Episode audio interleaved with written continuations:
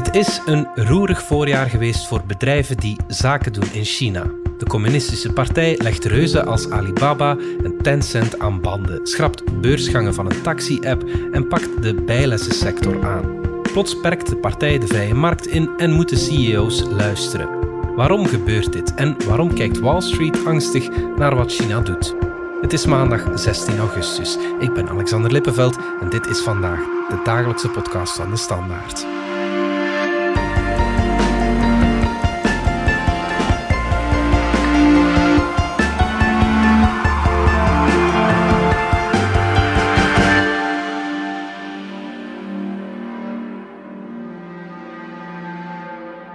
Giselle Nat van onze buitenlandredactie.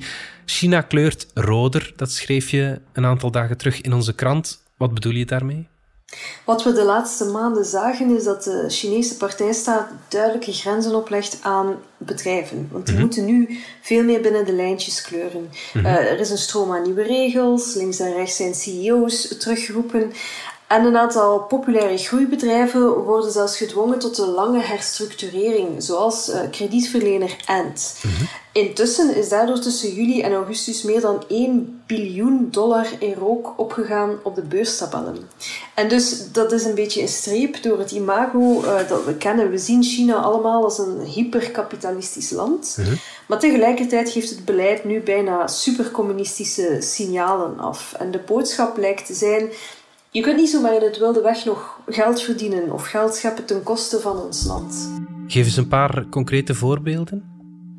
Uh, een tijdje terug viel de bijlesindustrie het meest in het oog. Uh, dat zijn een viertal grote Chinese bedrijven die na school heel dure bijlessen aanbieden aan jongeren. Mhm. Denk 1000 euro gemiddeld voor een middelbare schoolkind per maand. Dus voor een Chinees gezin is dat ongelooflijk veel.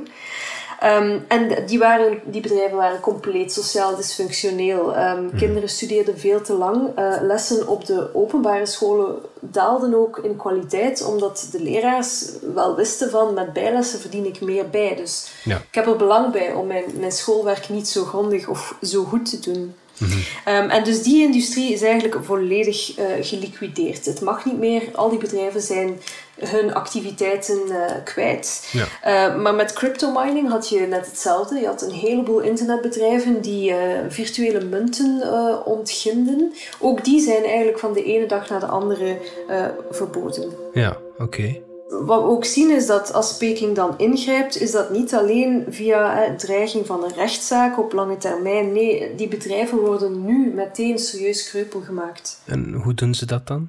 Je had bijvoorbeeld uh, Didi, dat is een uh, taxibedrijf, en die mochten uh, op een bepaald moment van Peking gewoon geen nieuwe klanten meer aanvaarden en, en hun app mocht niet meer gedownload worden tot het onderzoek van Peking klaar was. Ja. Um, je ziet het ook bij Tencent, dat is Azië's grootste bedrijf eigenlijk, een enorme technologiebedrijf. Ja, ja de, de CEO daarvan is door Pekings nieuwe regelgeving al 22% van zijn fortuin kwijt. Dat gaat om 12 miljard dollar.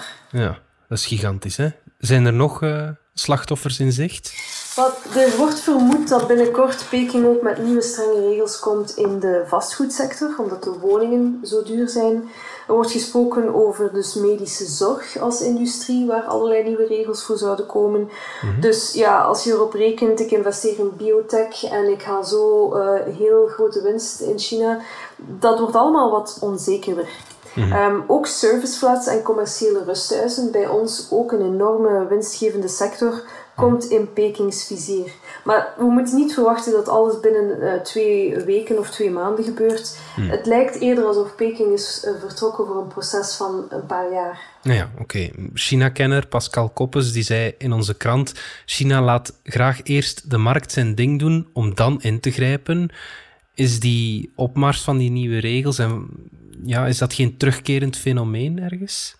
Inderdaad, een paar jaar terug had je bijvoorbeeld eh, de deelfietsbedrijven. Mhm. Die waren compleet vrij om te doen wat ze wilden. Met als gevolg dat uh, grote uh, steden in China overspoeld werden door achtergelaten fietsen. En dan heeft inderdaad de staat ingegrepen. Ehm, en binnen de kortste keren was dat uh, rechtgetrokken. Maar wat je nu ziet is toch wel van een andere orde. En het verschil ligt uh, in de omvang en in de context. Mhm. Ten eerste de omvang. Dit gebeurt nu op veel grotere schaal. En bij bedrijven die echt wel van, van nationaal belang zijn voor China. Niet zomaar een kleine nieuwe sector zoals deelfietsen. Mhm.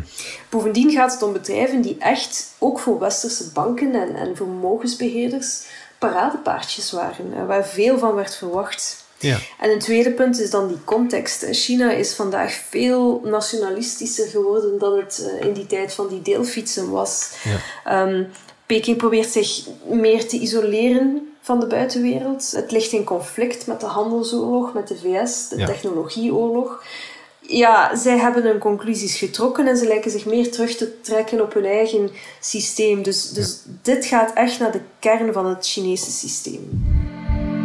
Is dit dan het einde van het vrije ondernemerschap in China?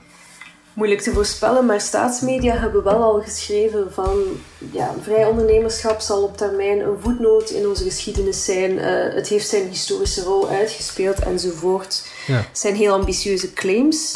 Ehm, maar het ziet er toch uit dat we nu aan het begin staan van een echt keerpunt. Zeker omdat China geleid wordt nu door een leider die veel meer macht heeft dan zijn voorgangers tien jaar geleden.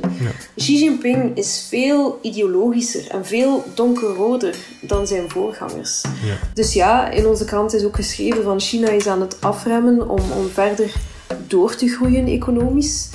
Maar je kunt daaraan toevoegen, het is niet gegarandeerd dat buitenlandse investeerders nog het mooiste deel van die groei zullen kunnen afromen. En beseffen de beurzen dat ook? Grappig genoeg zijn er nu veel beursanalisten die voor het eerst in de verzamelde database met de speeches van Xi Jinping aan het duiken zijn. Om te kijken van wat, wat wil die leider nu eigenlijk? Ehm, en wat is dat communisme nu eigenlijk?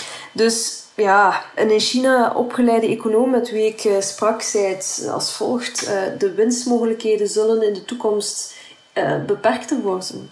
Ehm, en daarnaast zullen bedrijven moeten wennen aan stevige nieuwe surveillance door de staat, waardoor zaken doen in China waarschijnlijk duurder dan vroeger zal zijn en moeilijker dan ooit. Dan is de vraag waarom Xi Jinping dat allemaal doet. Deels is dit natuurlijk een tegenbeweging tegen de, de excessen en de machtsconcentratie van de grote techbedrijven. Ja, dat is, dat is iets wat de VS en Europa ook doen, hè, met die, ja, die monsterboetes onder meer voor Facebook, Google, al die, al die grote techreuzen. Effectief, die processen lopen, dat gaat soms wat traag, maar je ziet inderdaad dat buiten China ook andere westerse spelers nadenken over wanneer is een bedrijf too big to fail en wat doen we met die technologie. Dus inderdaad, China staat daar zeker niet alleen.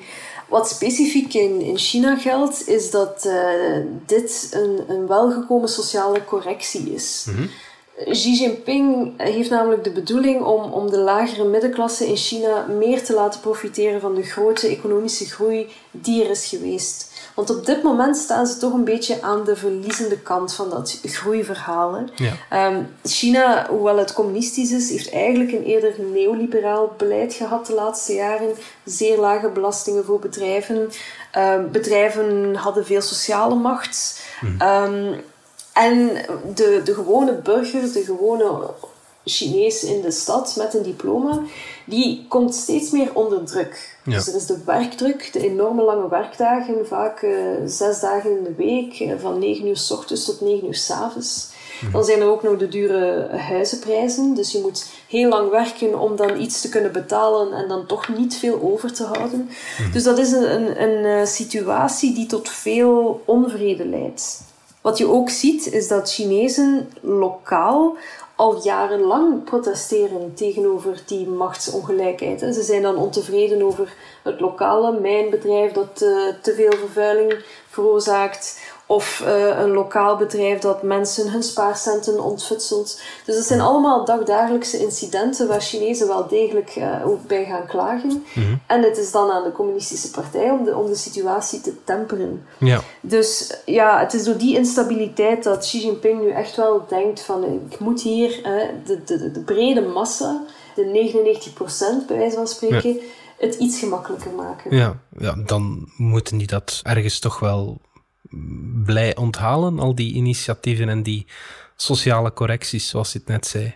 Ja, het is waarschijnlijk wel een opwindende tijd voor de gewone Chinezen. De laatste jaren zijn velen onder hen enorm cynisch geworden. Hè, want ze zien die overmacht van die superrijken, die 1%.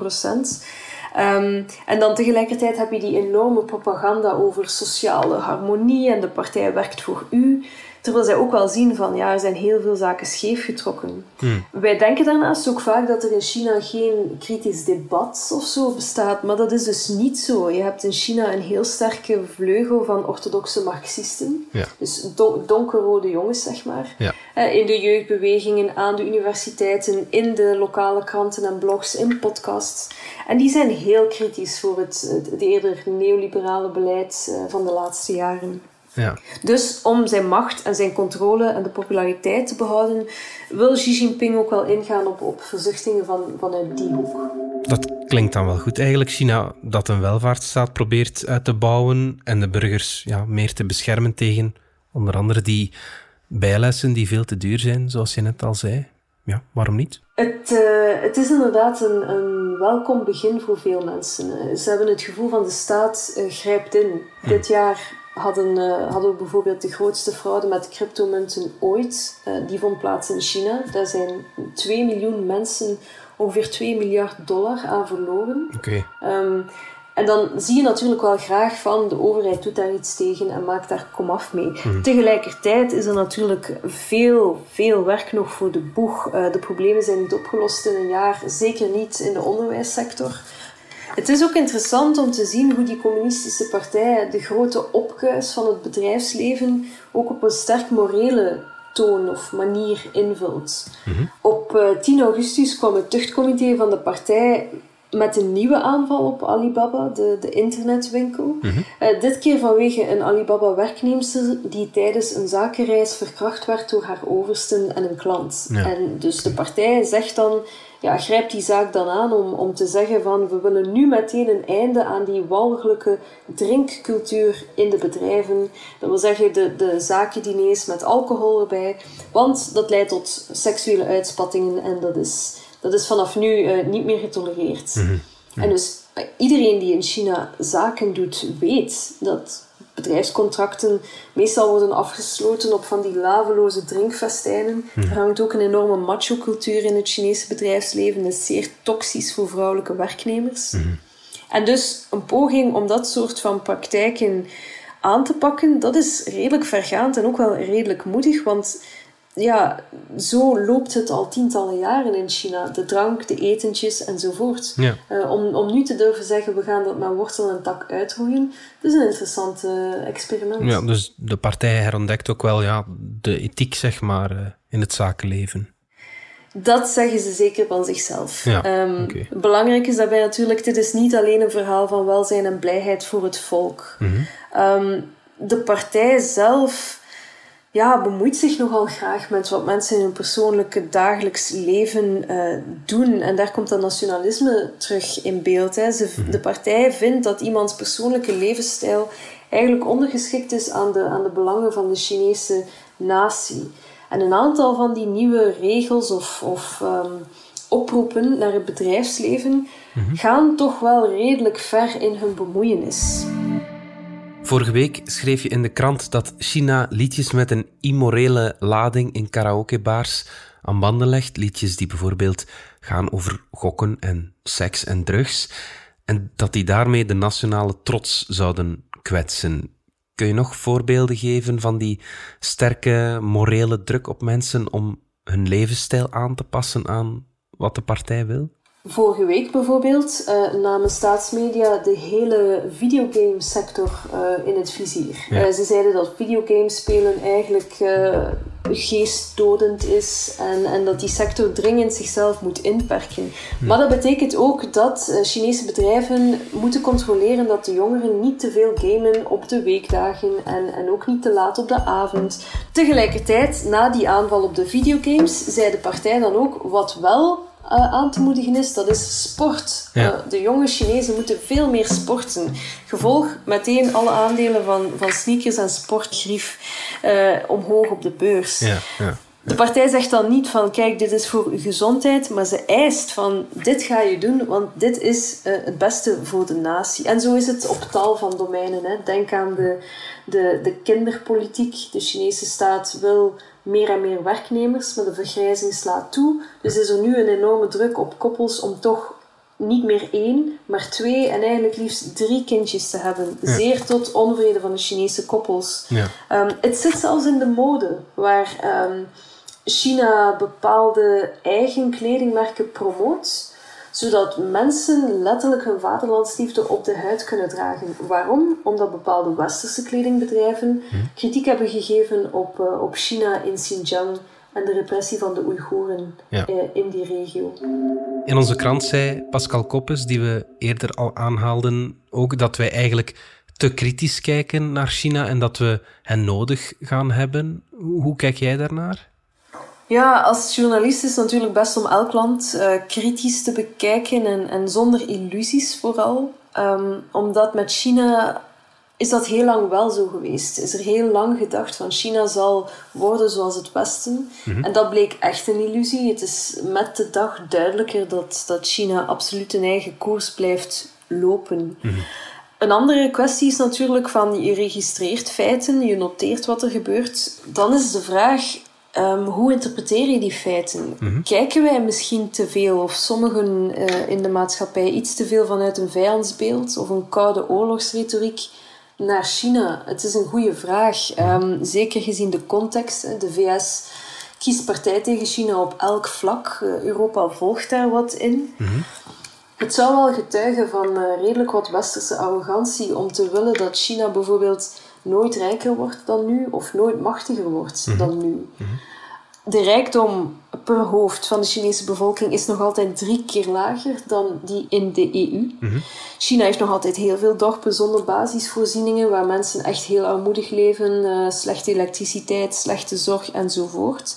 En veel van de economische en politieke beslissingen die Peking neemt, zijn ook op een of andere manier bedoeld om die welvaartskloof weg te werken. Mhm. Neem nu bijvoorbeeld die zijde routeprojecten waar we al veel over geschreven hebben. Ja, die wereldwijde infrastructuurwerken hè, die Peking doet om ja, havens bijvoorbeeld, pijpleidingen en handelsroutes te bouwen. Klopt. Dus wereldwijd zijn ze al sinds 2008 aan het investeren in een aantal groeilanden. Mhm. Natuurlijk halen zij zo een overmacht in die landen en, en winnen ze aan invloed. Tegelijkertijd zijn dat projecten die Chinese ingenieurs en bouwbedrijven aan heel goede jobs helpen. Er vloeit heel veel rijkdom en omzet dan terug naar China. En sinds China daar is mee begonnen, zijn de VS en Europa zich meer en meer bedreigd gaan voelen. En pas de laatste twee jaar zijn ze ook expliciet projecten gaan opzetten om de Chinezen op dat vlak te, te concurreren. Daarvoor was er bijvoorbeeld amper interesse in het aanleggen van uh, digitale havens of energiecentrales in pakweg Pakistan. Mhm. En dan kun je inderdaad de vraag stellen: waarom doen we dit eigenlijk echt? Mhm. Vinden beleidsmakers die zulke projecten eh, steunen, vinden die fundamenteel dat de meeste rijkdom best uh, gemonopoliseerd mag blijven hier in het Westen en dat we China op alle mogelijke vlakken moeten tegenwerken. Mhm. Eh, dat we hen moeten proberen als concurrent kleiner te houden dan hun ambitie is. Want Xi Jinping's ambitie is heel duidelijk: groter worden, sterker worden. Mhm zijn belangrijke ethische vragen. Journalistiek heeft daar niet per se een antwoord op. kan alleen maar de feiten aandragen. Uh, maar het is wel duidelijk met de uitdagingen die voor ons staan dat we de Chinezen hard nodig zullen hebben. En dat we zullen moeten overeenkomen met een land dat de zaken heel anders ziet en heel anders aanpakt dan wij gewend zijn. Goed, Giselnat, dankjewel. Dank je. Dit was vandaag de dagelijkse podcast van De Standaard. Bedankt voor het luisteren. Reageren kan via podcast.standaard.be. Alle credits vind je op standaard.be-podcast. Morgen zijn we opnieuw.